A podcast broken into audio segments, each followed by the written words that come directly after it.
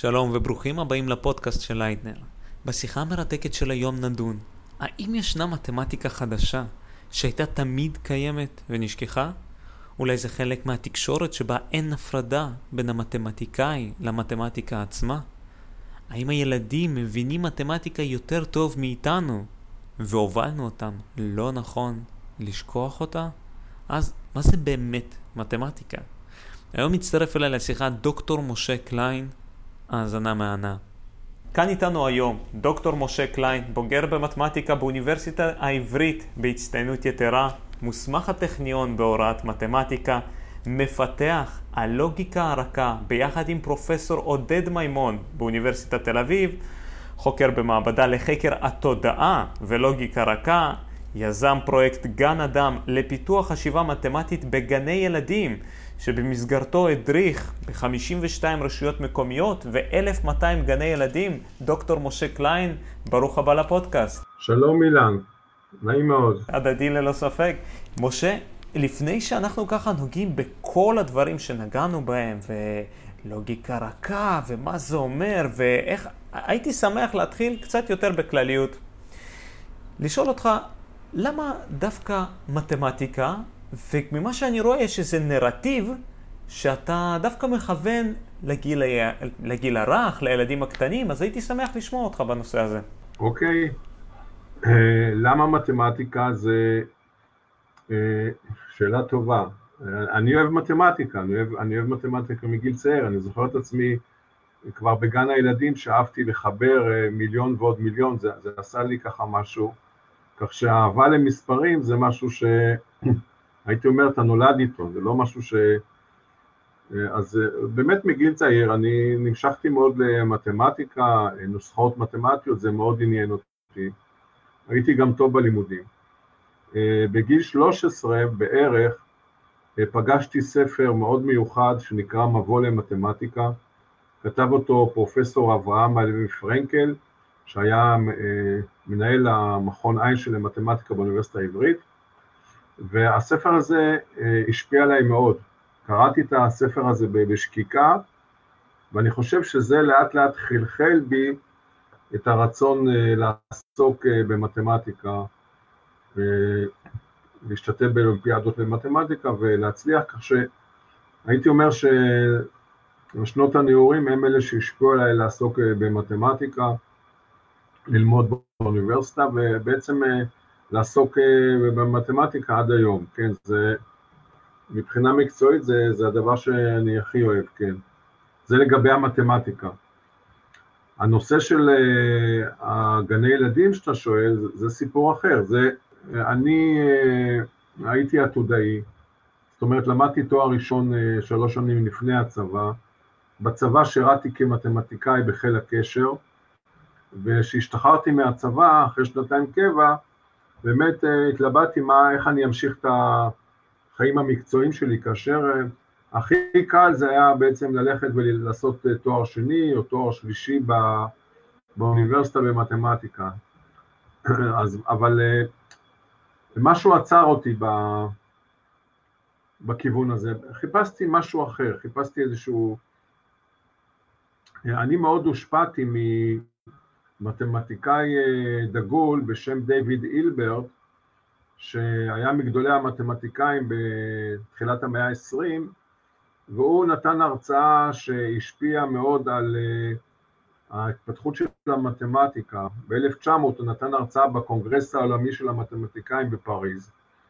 הוא הציג שם רשימה של בעיות פתוחות, 23 בעיות פתוחות במתמטיקה, שמשכו מאוד מתמטיקאים אה, לפתור אותן. אה, עד היום נפטרו רובם, והוא סיים את ההרצאה שלו בדברים לא שגרתיים, שהם בעצם תפסו אותי, שהייתי תלמיד בעברית. הוא אמר שהבעיות האלה זה רק דוגמאות, הוא יכול להביא דוגמאות אחרות, הוא רצה להראות עד כמה המתמטיקה היא כמו אורגניזם חי, הוא דיבר על המתמטיקה כמו איזשהו יצור, וזה מאוד עניין אותי, למה הוא התכוון. והוא סיים את ההרצאה שלו בחזון שאני חושב שזה הכי השפיע עליי בחיים, שהוא אמר uh, The Organic Unity of Mathematics.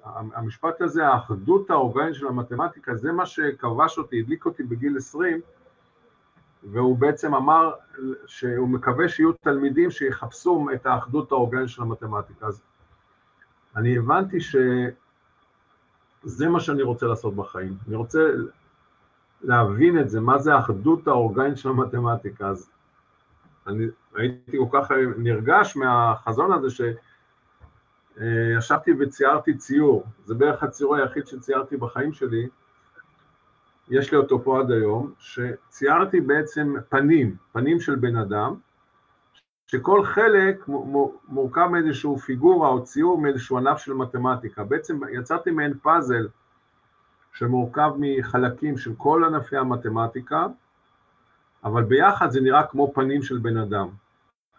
וכאילו זו הייתה התשוקה שלי לראות את ה... איך יכול להיות שהמתמטיקה זה כמו יצור חי, כמו אורגניזם. ולכן אה, לא כל כך אה, נמשכתי לקריירה אקדמית. בעצם, כי ידעתי שאם אני הולך לעשות קריירה אקדמית, דוקטורט, אני אצטרך לבחור תחום מסוים, נישה מסוימת, קובינטוריקה, טופולוגיה, ולחפור שמה, ואני חיפשתי משהו אחר, אני חיפשתי דווקא איזושהי הבנה אחרת, שלמה, שנובעת מהחיבור של התחומים, ולכן אה, אה, לא כל כך ידעתי מה לעשות, למעשה. ב... אז לקחתי אה, שנתיים כזה חופש, אה, כי היה לי חסכונות מהצבא, שירתי בקבע, ובתקופה הזו עשיתי כל מיני דברים, שחקתי כדורסל, אה, התחלתי לשיר במקהלה, ובאמת התלבטתי מה, איך אני, מה אני רוצה לעשות, וגם עבדתי קצת בחפרות ארכיאולוגיות בגמלה, ואיכשהו אה, חבר שלי, דני לאסרי, עבד אז בפרויקט חינוכי, שניהל אותו פרופסור גדעון כרמי, פיזיקאי, שעשה דוקטורט אצל פיזיקאי מאוד מפורסם, דיוויד בום, במקביל ליקיר אהרונוב, ובגיל 60 בערך, גדעון כרמי החליט לעזוב את הפיזיקה ולהתחיל להתעסק בחינוך, וספציפית בתחום של הגני ילדים. ואז הוא ניהל פרויקט שנקרא פרויקט חי, חשיבה יצירתית, בתקופה הזו שהתלבטתי, והם חיפשו מישהו שירכז את הפרויקט באשדוד ובאשקלון. היה להם שם קבוצה של 12 גננות, והם חיפשו מישהו שידריך את הגננות. אז אה, זו התקופה שגרתי בתל אביב, וקיבלתי את העבודה הזו. ו... וזהו, ונסעתי לאשדוד ואשקלון. אה, קצת בהנחיית אה, גדעון כרמי וקצת בדברים שאני התחלתי לפתח באופן אינטואיטיבי וראיתי שזה מאוד מעניין אותי דווקא התחום הזה של הגיל הרך, גם הקשר עם הגננות, אבל הכי הדליק אותי זה בעצם שהייתי בגן, ממש הרגשתי שאני חי כזה, שהילדים הם כל כך סקרניים ויצירתיים שזה ממש תפס אותי. ועבדתי שם שנתיים בפרויקט הזה. ואחרי שנתיים בעצם יצאתי לדרך עצמאית, נפרדתי מגדעון כרמי, ובעצם התחלתי באופן עצמאי לפתח אה, תוכניות לגני ילדים, שמאוד מאוד הצליחו, זאת אומרת, אה, איכשהו ידעתי בלי שלמדתי באוניברסיטה חינוך בגיל הרב, לגעת בנושא הזה של הילדים, לעורר את הסקרנות, ופשוט אה, גננות מאוד מאוד אהבו את, ה, את הדברים שאני פיתחתי במדע ובמתמטיקה. וזה הפך להיות, כך, כך בעצם נולד הפרויקט שנקרא גן אדם. הרעיון של גן אדם זה, הרעיון שגן הילדים זה מסגרת מאוד הוליסטית, מאוד נכונה לילד, הילד גם לומד וגם מרגיש חופש, וכאילו באיזשהו מקום העלייה לבית ספר היא קיצונית, היא רדיק, זאת אומרת, אין, אין, המעבר הזה מגן הילדים לכיתה הוא פרובלמטי, ואמרתי לעצמי, למה לא להמשיך את הגן לא רק לאדם, למה בעצם הבן אדם לא ילמד בגן? אז זה היה, ככה נולד הפרויקט של גן אדם, אה, שכתבתי את החזון בחדר העבודה של אה, שמריה גוטמן, שהיה ארכיאולוג אה, של גמלה, אדם מאוד יקר שהשפיע עליי, שמריה גוטמן. אז ובעצם מאותו, מאותו רגע, 1990, אז התחלתי לפתח תוכנית ראשית, שפת משחקים ומדע, שממש הצליחה מאוד, ממש היה כמו אש בשדה קוצים, מפקחות הזמינו אותי לתת השתלמויות לגננות שלהם, וככה אני הדרכתי בכל הארץ, זאת אומרת, נסעתי להשתלמויות מאילת ועד קריית שמונה, הרבה השתלמויות, פיתחתי ערכה של משחקים, זה היה הצלחה כבירה בין שנת 1990 ל-95. אז לסיכום השאלה שלך, התשובה שלי היא שמתמטיקה אני מאוד אוהב, ואני זיהיתי את הפוטנציאל של עבודה עם ילדים בגן, בגלל שהילדים מאוד סקרנים, מאוד אוהבים מתמטיקה, יש להם חשיבה יצירתית וזה משך אותי מאוד. אז זה בעצם היה איזשהו מחקר, אבל זה מחקר שהוא בא לידי ביטוי באופן מעשי, דרך דברים שאני פיתחתי. משה, אתה חושב שיש איזשהו קשר בין הגן כחוויה הוליסטית, וכמו שאתה מדבר על הילדים עדיין כמין, תראה, יצורים קטנים ויצירתיים שלא, אין עליהם מגבלות החיים עדיין, לבין אותו משפט שאמר המרצה ב-1900, שהמתמטיקה עצמה היא אורגניזם, כאילו יש אחד שמאחד, והילדים שעדיין אין להם את, אתה יודע, את התוויות על המתמטיקה או כל דבר כזה או אחר, שיש איזשהו סוג של קשר? התשובה היא כן. התשובה היא שא', אה, אני אומר, אחרי 40 אה, וכמה שנים מאז שקראתי את החזון של אילבר, אני יכול להסתכל עליו בצורה יותר מפוקחת ולהגיד, כן, אילבר צדק. אה, כמה שזה יישמע מוזר, רוחני, מטאפיזי, אני לא יודע איך תקרא לזה, כן, המתמטיקה זה באמת אורגניזם, זה באמת ישות אורגנית, אז זה קודם כל. ואני חושב שמה שאני חקרתי אחר כך, מה שפיתחתי אחר כך באוניברסיטה, הוא מוליך להבנה הזו, הוא בעצם מסביר את זה יותר למה זה נכון. אז זה קודם כל, ולגבי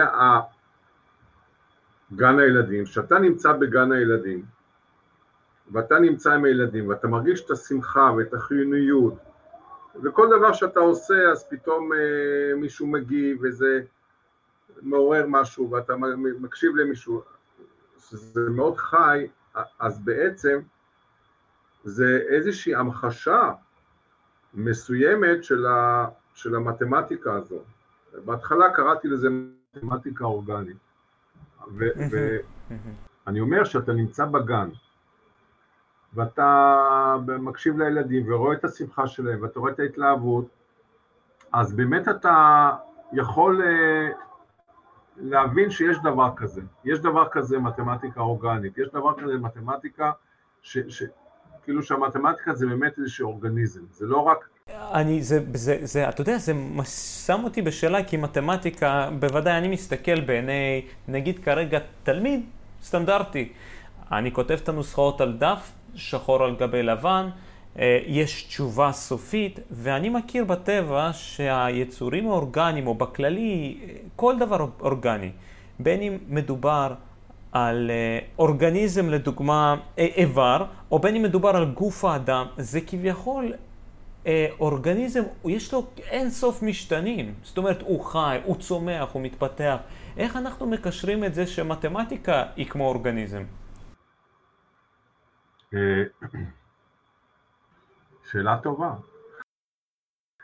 אה, אני חושב שהמפתח הוא נמצא בהבנה לא טריוויאלית, פשוטה אבל לא טריוויאלית, שאין באמת הפרדה בין המתמטיקה והמתמטיקאי. זאת אומרת שהמתמטיקה והמתמטיקאי אחד הם. זאת אומרת שזה לא נכון להפריד בין תהליך היצירה של המתמטיקה ובין החוויה הסובייקטיבית של המתמטיקאי לבין התוצאות. זאת אומרת, זה, זה לא, מתמטיקה זה לא רק התוצאות, זה לא רק המשוואה הריבועית שיש בסוף, שמה שאנחנו בדרך כלל קוראים לזה מתמטיקה, רק בסוף, שזה, לא, אז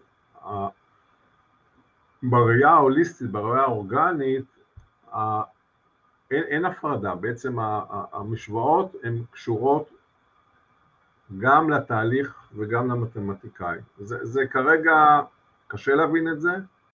אני חושב, אני חושב שאני מצליח קצת לתפוס את זה, זה אומר שהאחד הזה שבין המתמטיקה למתמטיק, למתמטיקאי זה התקשורת של, המתמטיק, של המתמטיקאי עם אולי אפילו המציאות סביבו באמצעות המתמטיקה, היכולת שלו לפשט, וזה כן מתחיל ונגמר אצל המתמטיקאי דרך המתמטיקה.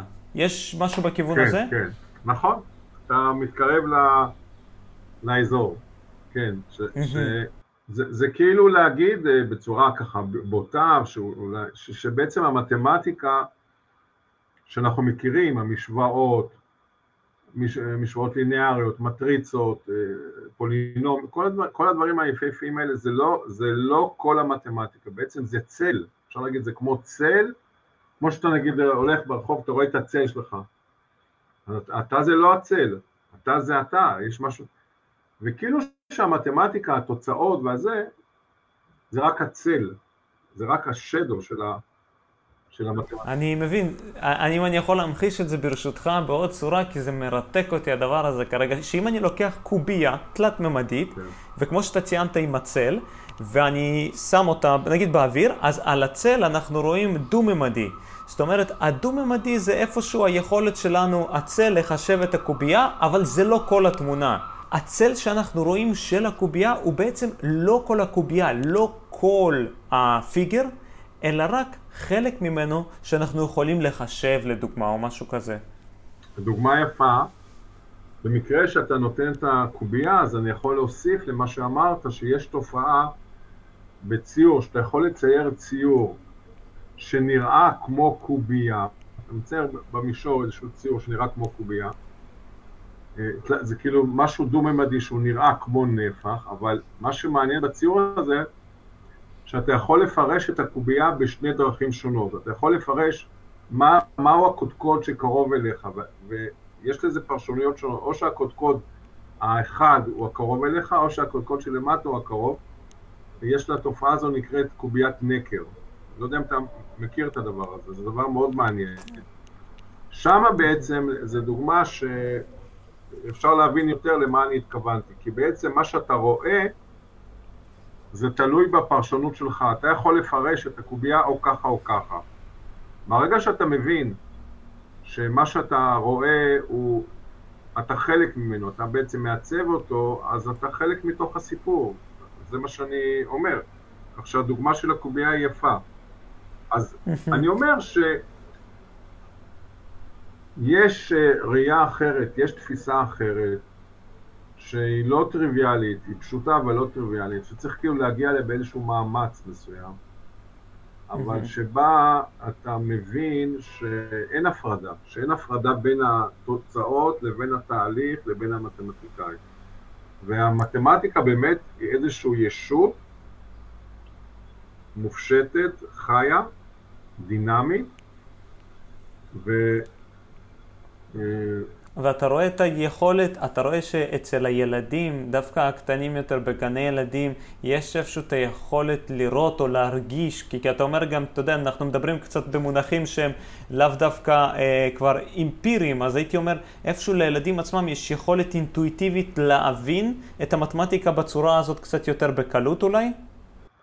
הייתי אומר, הייתי אומר שהילדים הם, הם, הם, הם, הם חיים את זה, הייתי אומר שילדים הם הם מאוד קרובים לדבר הזה כי הם לא הורחקו, בעצם הם, זה השפה האינטואיטיבית שלהם. כך שכשאני מדבר עם ילדים, אני, אני מקבל השראה, אני בעצם, אני, אני בא לגן לא בשביל ללמד אותם.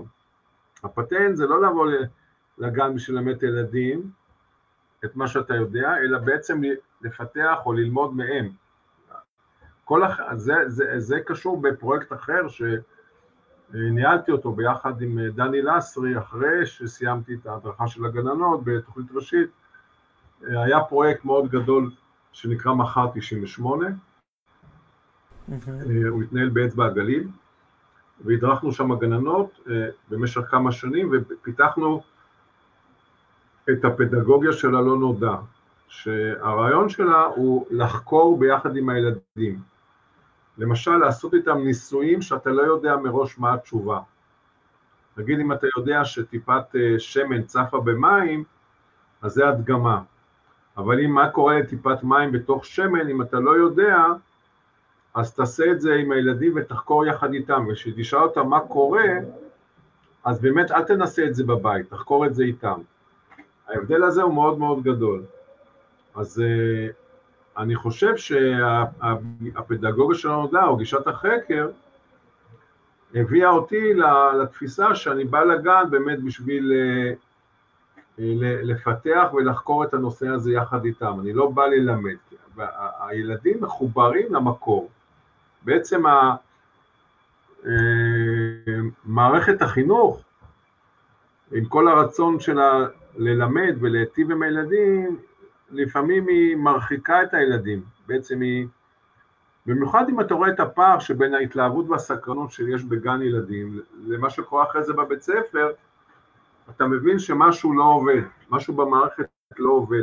זה כמו שאני שמתי לב שהצלחה, או אני לא הייתי אומר כישלון, אבל יותר יש רתיעה אצל אה, תלמידים לפעמים ממתמטיקה, שכמו שאני יכול להבין ממה שאתה אומר, בגן ילדים זה לא משהו מולד, זאת אומרת, זה לא איפשהו מאה אחוז נכון להגיד, לי אין חשיבה לוגית, אני לא טוב במתמטיקה. זאת אומרת, הילד בתור אה, יצור, אורגניזם, נקרא לזה טהור בשביל אה, התיאור היפה יותר, מבין אינטואיטיבית את השפה התקשורתית של מתמטיקה, ויכול להיות שבשלב מסוים בחיים שלו, דווקא שם אה, המתמטיקה, משהו השתבש בהבנה. זאת אומרת, הוא נולד קודם כל מבין אינטואיטיבית מתמטיקה. אני צודק?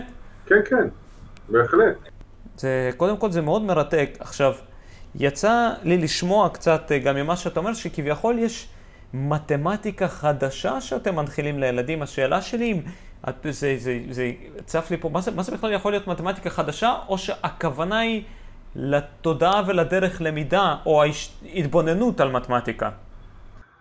לגבי שיטה אה, ללמד מתמטיקה, אם זה מה שאתה שואל, אז השיטה ללמד מתמטיקה זה באמת שיטה דיאלוגית, שבה המבוגר והילד לומדים וחוקרים ביחד, הגננות, המורים הפרטיים, הם באים לשיעור באמת עם איזושהי אוריינטציה של חקירה, של ללמוד יחד ולחקור ביחד, זה עושה את הלימוד מאוד משמעותי וחי, זאת אומרת זה, ואפשר להגיע להישגים בלתי רגילים, זה לגבי שיטת ההוראה. לגבי המתמטיקה עצמה, אז אם אני חוזר בעצם לחזון של אילברט, של האחדות האורגן של המתמטיקה, אפשר לפרש את החזון שלו בכל מיני דרכים שונות, אבל אני, אני לקחתי את זה למקום קיצוני של מתמטיקה אורגנית, בעצם של, של מתמטיקה אחרת או מתמטיקה אה, חדשה. זאת אומרת, בגדול הנושא של פרדיגמה חדשה במתמטיקה זה נושא שמאוד אה, מעניין ועניין אותי. זאת אומרת, אה, חקרתי את הנושא הזה בצורה יסודית, ולמדתי כל מיני ניסיונות וכל מיני אנשים, מתמטיקאים מפורסמים, שהיו פתוחים אה, לרעיונות האלה של מתמטיקה אחרת, האם זה יכול להיות. אז אם אתה רוצה, נוכל טיפה לשוחח על הנושא הזה. אני באמת אשמח, זה בדיוק אה, מה שנקרא, אה, אה, הכנת את השאלה הבאה שלי, שהיא איך זה פרקטית בא לידי ביטוי בגנים, ואיך המתמטיקה האורגנית וכל זה, איך זה נראה בפועל. בואו רגע נעשה הפרדה. לגבי הגנים, אנחנו לא מלמדים בגנים מתמטיקה אחרת, זה לא, זה לא כרגע. אנחנו כרגע בגני ילדים בגנים אנחנו מדברים על גישה מתמטית דיאלוגית, הוראת מתמטיקה בגישה דיאלוגית, שבה הגננת לומדת וחוקרת ביחד עם הילדים. אנחנו לא מדברים על הוראת מתמטיקה חדשה בגני ילדים, לא זה הנושא. בנושא של אה, מתמטיקה אחרת, אז זה משהו שהוא צריך להתפתח במסגרת האקדמיה, אתה מבין? אז כן. אני רוצה רגע לחפש משהו במחשב שלי, ל- להביא ציטוט של, מספר שנקרא הקשר המתמטי, של... אה, אז בעצם, אם הבנתי אותך נכון, אנחנו פתחנו עכשיו חלון בפודקאסט לגבי השאלה של מתמטיקה אחרת, האם יש מתמטיקה אחרת. אתה שומע אותי? נכון. כן, כן, כן, בוודאי, כן. זה משהו שהוא הוא בדיון אקדמי, זה לא בדיון של גני ילדים, בסדר? זה נושא מאוד רציני. אז אני רוצה להקריא לך כן. מתוך הספר של פרופסור, אה, פרופסור צבי אלטשן ממכון ויצמן, ספר נפלא, הקשר המתמטי, שאלת האוניברסליות של המתמטיקה. אני אקריא לך פסקה קצרה ואז נוכל אה, לדבר על זה. וכאן אנו מגיעים לשאלה האחרונה במסע שלנו, שאלת האוניברסליות של המתמטיקה. האם מתמטיקה שהייתה מפותחת או שכבר פותחה על ידי חברות שונות, בין אם חברות של בני אדם שהיו מנותקות מהציוויליזציה או חברות בגלקסיה אחרת או מעולם אחר, זהה בהכרח למתמטיקה שאנו מכירים. הדעה הרווחת היא שהתשובה לכך היא חיובית, מתמטיקה מפותחת באופן בלתי תלוי ובתנאים אחרים ייתכן שיהיו בה הדגשים אחרים ובוודאי סימונים אחרים, שפה אחרת, אך הבסיס הלוגי והאלמנטים הטכניים הבסיסיים, למשל המספרים הטבעיים ופעולות החיבור שלהם, יהיו זהים בכל הגרסאות של המתמטיקה. הבנת מה שהוא אמר או שאני אסביר? חד משמעית. לא, לא, אני, אני הבנתי שבסופו של דבר היסודות של המתמטיקה, לשם דוגמה חיבורים וחיבור וחיסור של מספרים ש, אה, טבעיים, הכל, גם אם החייזרים משתמשים בסימנים אחרים, לשם דוגמה, המתמטיקה נשארת אותו דבר. זאת אומרת, זו התשובה הרווחת, שכן. הרווחת, אבל מה התשובה כן. שלו? מה התשובה שלו? אוקיי. הבנת את השאלה, הוא שואל האם יכולה להיות מתמטיקה אחרת או שכל המתמטיקות הם אותו דבר. אז הוא אומר, התשובה הרווחת שזה אותו דבר, אבל הוא אומר, אך אני ארשה לעצמי להעלות אפשרות אחרת, שמטבעה היא לא יותר מאשר ספקולציה, ואני לא רואה דרך לאשש או להפריך אותה, אולי אפשר גם אפשר לפקפק באמונה כי המתמטיקה היא היחידה. זה משפט מאוד מעניין, זאת אומרת, זה מבחינתי, שלוש המשפט, המשפטים האלה, זה, בשביל זה היה שווה לקנות את הספר, שבעצם פרופסור צבי ארנשטיין אומר, נכון שמקובל לחשוב שהמתמטיקה היא אחת, אבל אני מוכן לחשוב על אפשרות אחרת שיש מתמטיקה אחרת בגלקסיה אחרת, באנדרומדה, אה, או באיזשהו כפר נידח בג'ונגל, אנשים פיתחו מתמטיקה אחרת. לא יפה? זה, זה, זה, זה מדהים לחשוב על הדבר הזה. השאלה היא, אתה יודע, הדבר הבא שמסקרן אותי כבר, היא מה זה אומר? איך זה, איך, איך זה נראה בכלל? אני רואה שאתה מאוד סקרן. זה חד משמעית, כן. אני מאמין שגם, מקווה שגם המאזינים שלנו. הם אה, בתקווה יספגו חלק מהסקרנות המומרת בשיחות האלה. טוב, אז נעשה עוד צעד. אוקיי. היה אה, בהודו אה, מתמטיקאי בשם רמנוג'אן, שהסיפור שלו הוא מאוד מאוד יוצא דופן, ואני חושב שהוא, דרך אגב, אני גם חושב, כמו צבי ארנשטיין, שיכולה להיות מתמטיקה אחרת, אם לא הבנת את זה עד עכשיו. אני מבין שהגישה שלך היא מאוד מיוחדת בנושא הזה, זאת אומרת, זה יותר אומנותית ולאו דווקא מוגבלת, זאת אומרת, בוודאי שקיימת האפשרות. אני אומר שזה לא, אני אומר שיש דבר כזה, כן, יש, יש, כן, קיימת.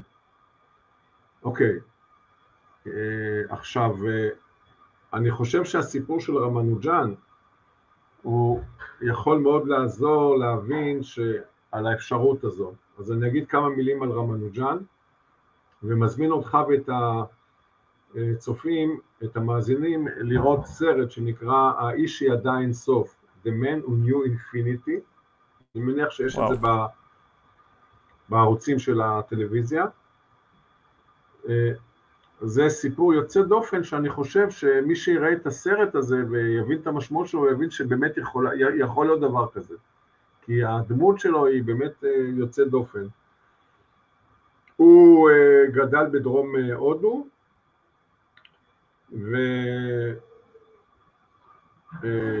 והתחתן עם אישה צעירה, ילדה בעצם, זה היה מקובל אז, הוא עבד כפקיד בנמל במדרס, אבל כל היום הוא עסק במתמטיקה, הוא לימד את עצמו מתמטיקה והוא הוכיח דברים,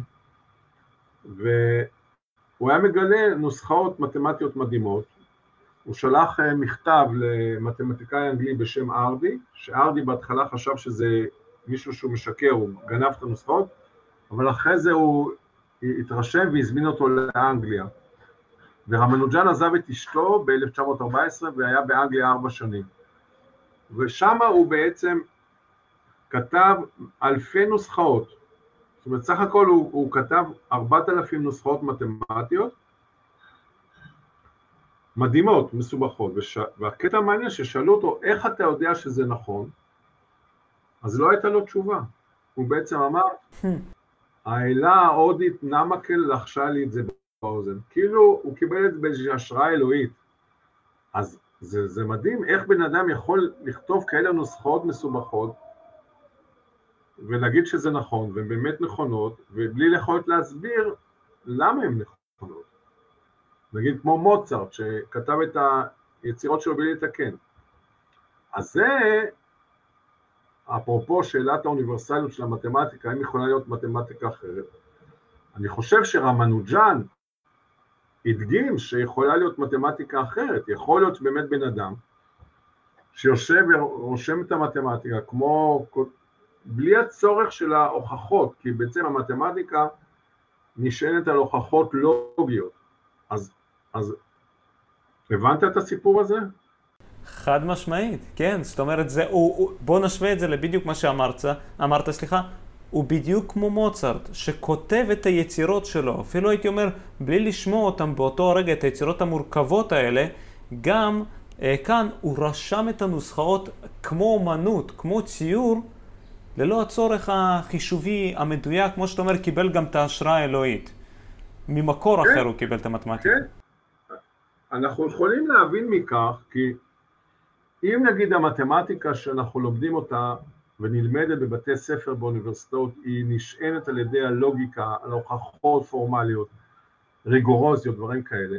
הדוגמה של רמנוג'אן היא מראה שזה לא חייב להיות, שיכול להיות שהבן אדם יהיה מחובר למתמטיקה, בגלל שהמתמטיקה היא באמת אורגניזם חי, שאדם קולט אותה וחי אותה והוא פשוט רושם, הוא, הוא פשוט נותן, הוא רושם אותה כמו שהיא, והוא לא, הוא לא צריך להוכיח אותה, ואני חושב שהסיפור של רמנוג'אן הוא מעין אישוש לאפשרות המרתקת של צבי איינשטיין שיכולה להיות מתמטיקה של חייזרים או מתמטיקה של גלקסיה אחרת שהיא שונה מהמתמטיקה שהתפתחה כאן בכדור הארץ. איזה מרתק, איזה מרתק. לחשוב שהגיע לרמנוג'אן מתמטיקה או נוסחאות כביכול פורמליות ממרחב, בואו נקרא לזה, כמו, ש, כמו שהתיאור של הסרט או הספר מדויק, האיש שראה את האינסוף, שבאופן מטאפיזי אפשר לומר שממקור האינסוף הגיעה אליו התודעה הזאת וההבחנה שלו למתמטיקה, שלא לציין שארבעת אלפים נוסחאות זה לא נתפס הכמות, גם ההשפעה של זה, ואני אשמח גם לשמוע ככה מהניסיון שלך, איפה, איפה, איפה הנוסחאות האלה באות לידי ביטוי, אבל 4,000 נוסחאות זה כמו להגיד מוצרט כאומן הוציא 4,000 יצירות בחיים שלו, שזה לא נתפס הדברים האלה. אני מאוד שמח שאתה מתלהב, ואני מקווה מאוד שבאמת תשקיע שעה וחצי או שעתיים לראות את הסרט הזה, כי זה יגרום לך להבין יותר את העוצמה הזאת. אבל בגלל שאתה מתלהב, אני, אז אני אגלה לך עוד קצת. אני אשמח. רמנוג'אן בעצם לא, אה,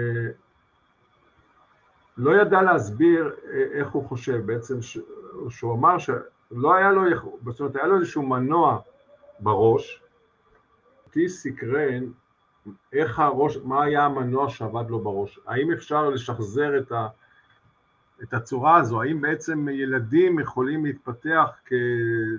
בצורה שרמנוג'ן התפתח, אתה מבין אותי? כן. ובעצם כן. האתגר שהיה לי בראש זה לנסות להבין את המנגנון ש... ש... שגרם לו ליצור, כן? כן. וזהו, אז ה... ה... המחקר הדוקטורט שלי אה, בהנחיית אה, אדם יקר, פרופסור עודד מימון, משכמו ומעלה ופתוח, היה באמת לנסות להבין את הצורת חשיבה הזו, אה, קראנו לזה ראייה ישירה, איך אתה בעצם רואה את האמת הערומה, זאת אומרת, האתגר הגדול ש, שהיה לנו זה לנסות להבין את המנגנון, את המערכת שמייצרת את, החש... את החשיבה הזו. אני מבין, אני מבין, בגלל זה גם בשם, בשם אתם בעצם במעבדה לחקר התודעה. וזה, כשקראתי את זה, אני אמרתי לעצמי, וואו, כאילו, איך יש קשר מבחינה מעבדה בין התודעה לבין החקר הלוגי, הלוגיקה עצמה. ואני גם, אני, אני רואה את התמונה כמו שאנחנו חוזרים אחורה עכשיו לזה שהמתמטיקה היא אוניברסלית, או יותר נכון, סליחה, היא אחת עם האדם, שכמו שאנחנו לוקחים אנשים במהלך כל ההיסטוריה, המבריקים ששינו את פני המציאות, ניוטון בפיזיקה, מוצרט במוזיקה, אה, אומנים מכאן ועד הודעה חדשה באומנות של, ה, של הציור שפרצו את הדרך.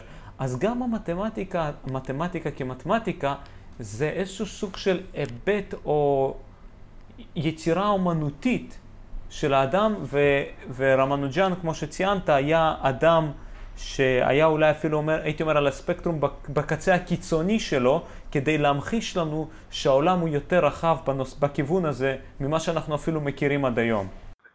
כן, אז, אה, אז אולי עכשיו אנחנו הגענו לנושא של המעבדה.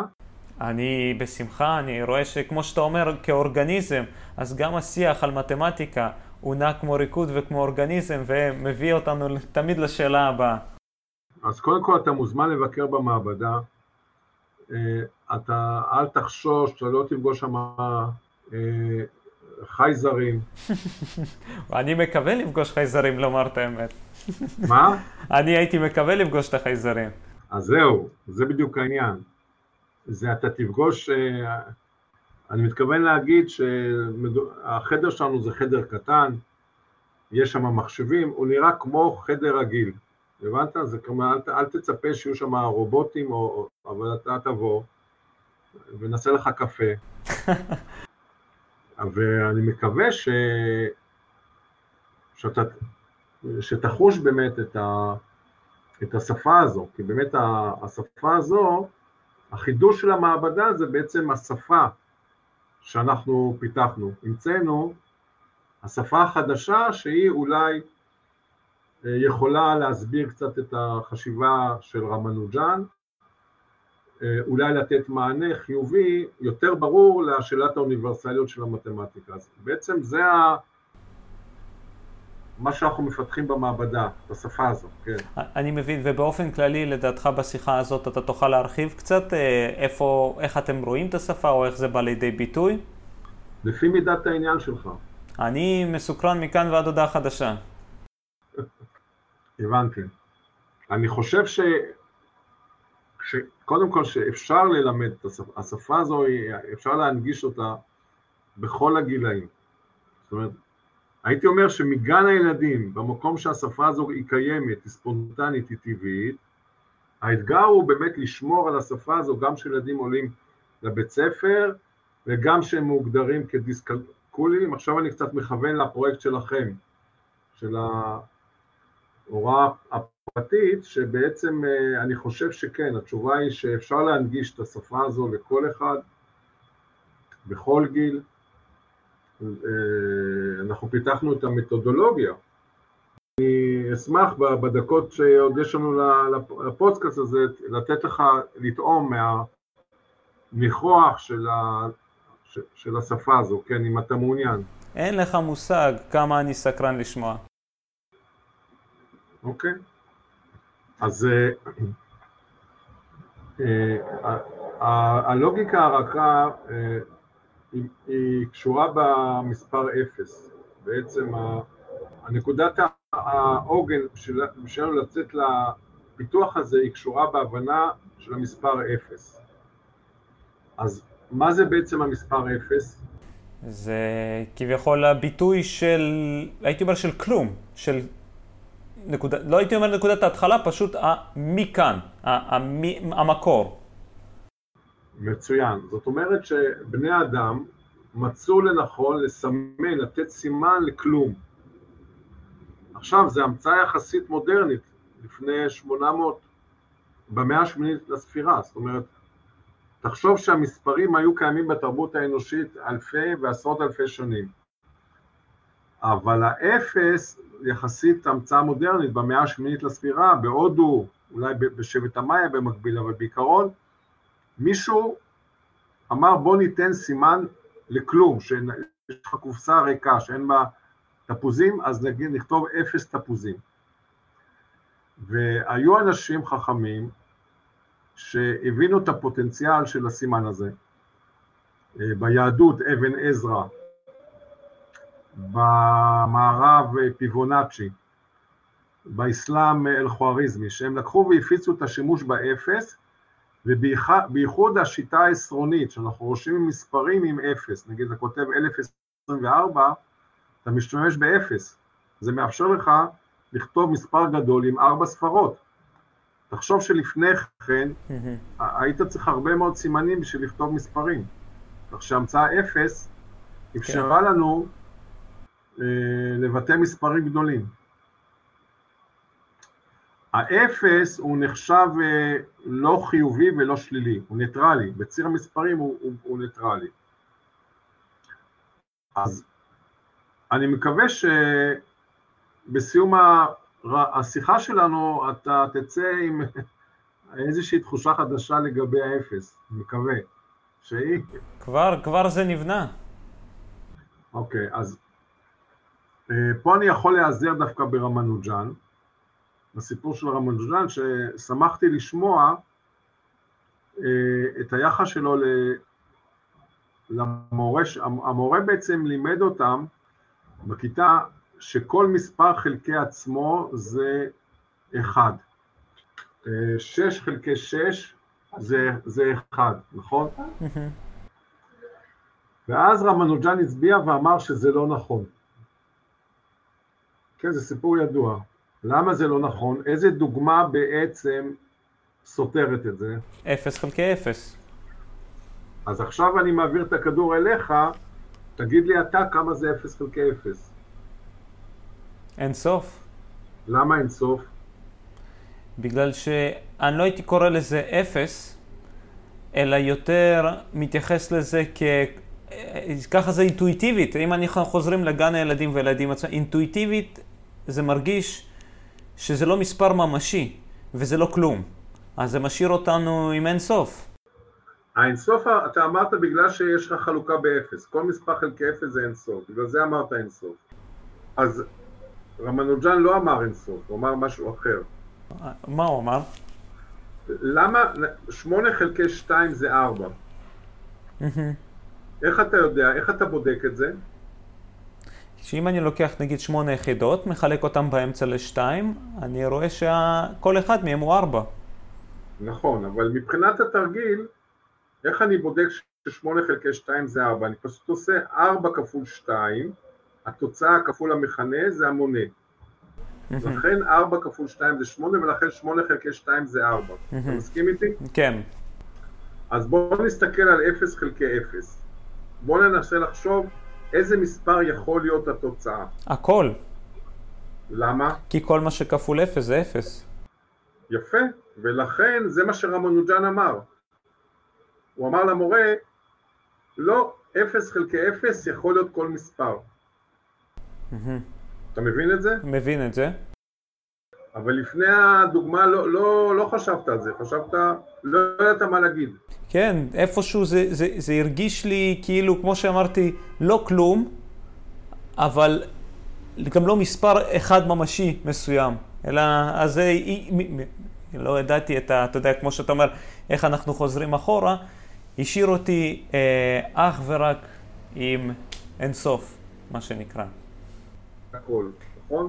אה, סליחה, זה נתקע באמצע. אני ציינתי ש... אני אומר שלא הכלתי אותך בכפית. כן. נתתי לך לגלות את התשובה. נכון, נכון.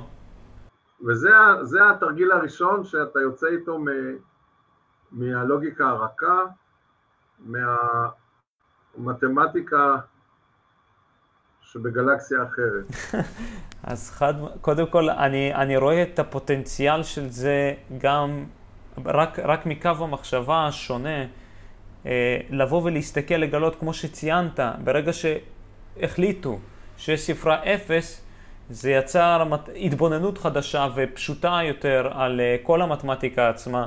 אז גם כאן אני כבר חש ורואה, ובוודאי שאני אשמח ואמצא את ההזדמנות להגיע אליכם למעבדה, כדי להבין את, ה, את הקו מחשבה ואת ההתבוננות שהיא הפוטנציאל למצוא רבדים במתמטיקה שעוד לא נחשפנו אליהם, אם אפשר לתאר את זה ככה. אז משה, אני אשמח בהזדמנות זו, אמנם לקפוץ קצת לנושא אחר. אה, אני חושב שמה שדיברנו הרגע משאיר אותנו עם סקרנות בלתי יתוארת. לגבי, בכללי, בכללי אפילו הייתי אומר התבוננות על מתמטיקה קצת אחרת. קצת מעבר למשוואה הדו-ממדית שיש לנו כרגע על הנייר ושתלמידים מסתכלים ולצערי לפעמים נרתעים ממנה, זה אומנות, אם הייתי יכול להגדיר את זה במילה אחת. עכשיו הייתי שמח לשאול אותך דווקא, משה, אה, אותך ספציפית. אה, אצלך במסלול החיים שלך גם צוטטת כאן מספר דמויות שהשפיעו על המתמטיקה ואפילו כאלה שהשפיעו עליך והרצת אותם, והייתי שמח לשמוע, אולי אם היית יכול לציין אם זה מורים בבית ספר, או מורים באקדמיה, או מורים בכללי במסלול החיים שלך, מי, מי מורים שאתה יכול להצביע שהשפיעו עליך אולי הכי הרבה, ואולי אפילו מה הערכים ש, שספגת והערכת אצלהם. אה,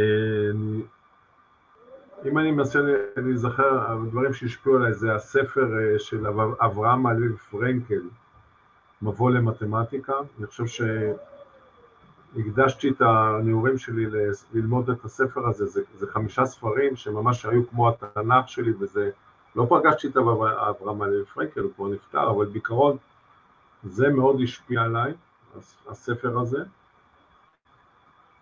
אני חושב ששמריה גוטמן, שהיה ארכיאולוג אה, בגמלה, ואני השתתפתי בחפירות בגמלה 12 שנים, מאוד השפיע עליי.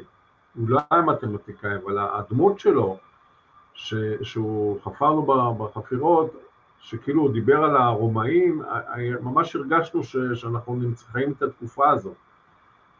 והוא לא היה אה, איש אקדמיה, אבל הוא היה איש של ארכיאולוגיה, וזה מאוד מאוד הרשים אותי והשפיע עליי אה, כמחנך, אה, שמריה גוטמן. אני הייתי בקשר עם מתמטיקאי אנגלי בשם ספנסר בראון, ג'ו ספנסר בראון, שנפטר ב-2016, אבל במשך אה, שבע שנים הייתי איתו בקשר טלפוני שבועי, וביקרתי אותו גם באנגליה. הוא היה מאוד מאוד חכם, והוא כתב ספר חדשני, מהפכני, שנקרא Laws of Form, ואני חושב שהשיחות איתו מאוד השפיעו עליי, מאוד אה, תרמו לי, להתפתחות שלי, אז הייתי אה, מזכיר אותו. אה, אני רוצה בשמחה לציין את פרופסור עודד מימון, אה, שהוא השותף שלי בגילוי של לוגיקה רכה, שבאמת אה, הוא לא הפנה אותי לשום מאמר או שום ספר בשביל לעשות את המחקר הזה, הוא נתן לי חופש מלא. לא מובן מאליו לחקור דבר כזה, וביחד גילינו את כל התגליות, ואני מאחל לשנינו עוד אה, שנים רבות של עבודה משותפת ובעיקר אה, למצוא יישום, יישום טכנולוגי. אה, אני רוצה לציין ידיד שלי, לצערי, בנסיבות לא נעימות, היה לי ידיד בשם יורם הירשפלד, פרופסור למתמטיקה מהאוניברסיטת תל אביב. אנחנו היינו בקשר מספר שנים, אם זה במיילים, וגם פגשתי אותו פעם אחת בראש פינה. מאוד הרשים אותי האישיות שלו, הפתיחות שלו, ההערות שלו.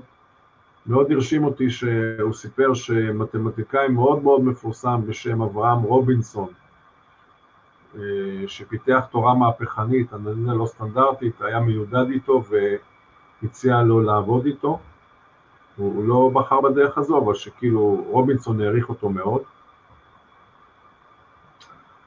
לצערי אה, נודע לי אתמול או שלשום שהוא נהרג בנסיבות מאוד טרגיות שבאנגליה יחד עם הבת שלו, נוגה, פיזיקאית, בת 40, אה, נהג שיכור אה, סטה בדרך ופגע בשניהם וגם בבת או בבן שלהם וזו טרגדיה מאוד גדולה.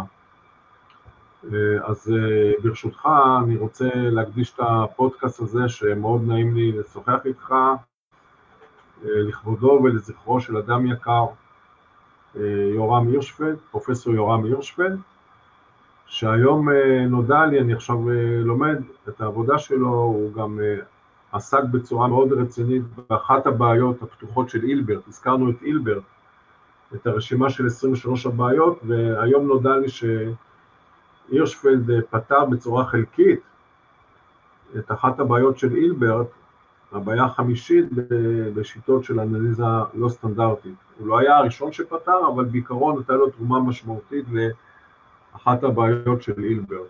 אז, אז זה, זה מה שאני יכול כרגע להגיד לך. אז קודם כל, אה, בכבוד רב, אנחנו נכבד את הפודקאסט הזה לזכרו, ואני משתתף בצערך בוודאי, משה. אה, וכמובן, גם בהקשר לנוכחות שלך כאן איתנו בשעה האחרונה, קצת יותר משעה, להגיד שפתחת אצלי עולם חדש לגבי התבוננות על מתמטיקה, זה בלשון המעטה, ומעבר לידע ולמקור הידע וההתבוננות היוצאת דופן שלך על מתמטיקה, אני חושב שהתרומה היא לא משפיעה על בן אדם אחד, אלא היא רחבה, וללא ספק העתיד של ההתבוננות הזאת במתמטיקה, לפחות כמו שחזרנו לגן ילדים אינטואיטיבית, אני מדגיש שדרך טבע של הדברים הטובים בעולם הם תמיד להתפרס ולהתרחב, ואני כן רואה ורוצה להאמין שאנחנו בתור אנושות אפילו אה, נספוג הרבה מהתרומה גם שלך וגם של עודד מימון עם המתמטיקה, ואני לא אפספס תמורת שום דבר את ההזדמנות להגיע אליכם למעבדה. בשמחה רבה. אה, תודה מאוד על השאלות והסקרנות, ואני אשמח אה, להיות איתך בקשר גם אחרי הפודקאסט. בהחלט. ולסיום, אלן ווטס. אתה הוא הצמצם דרכו היקום מסתכל וחוקר את עצמו. ולכם המאזינים, העולם סביבנו שופע באינפורמציה. העזרו בכלים איתם נולדנו לחקור את ספריית המציאות. ואנחנו ניפגש בפרק הבא.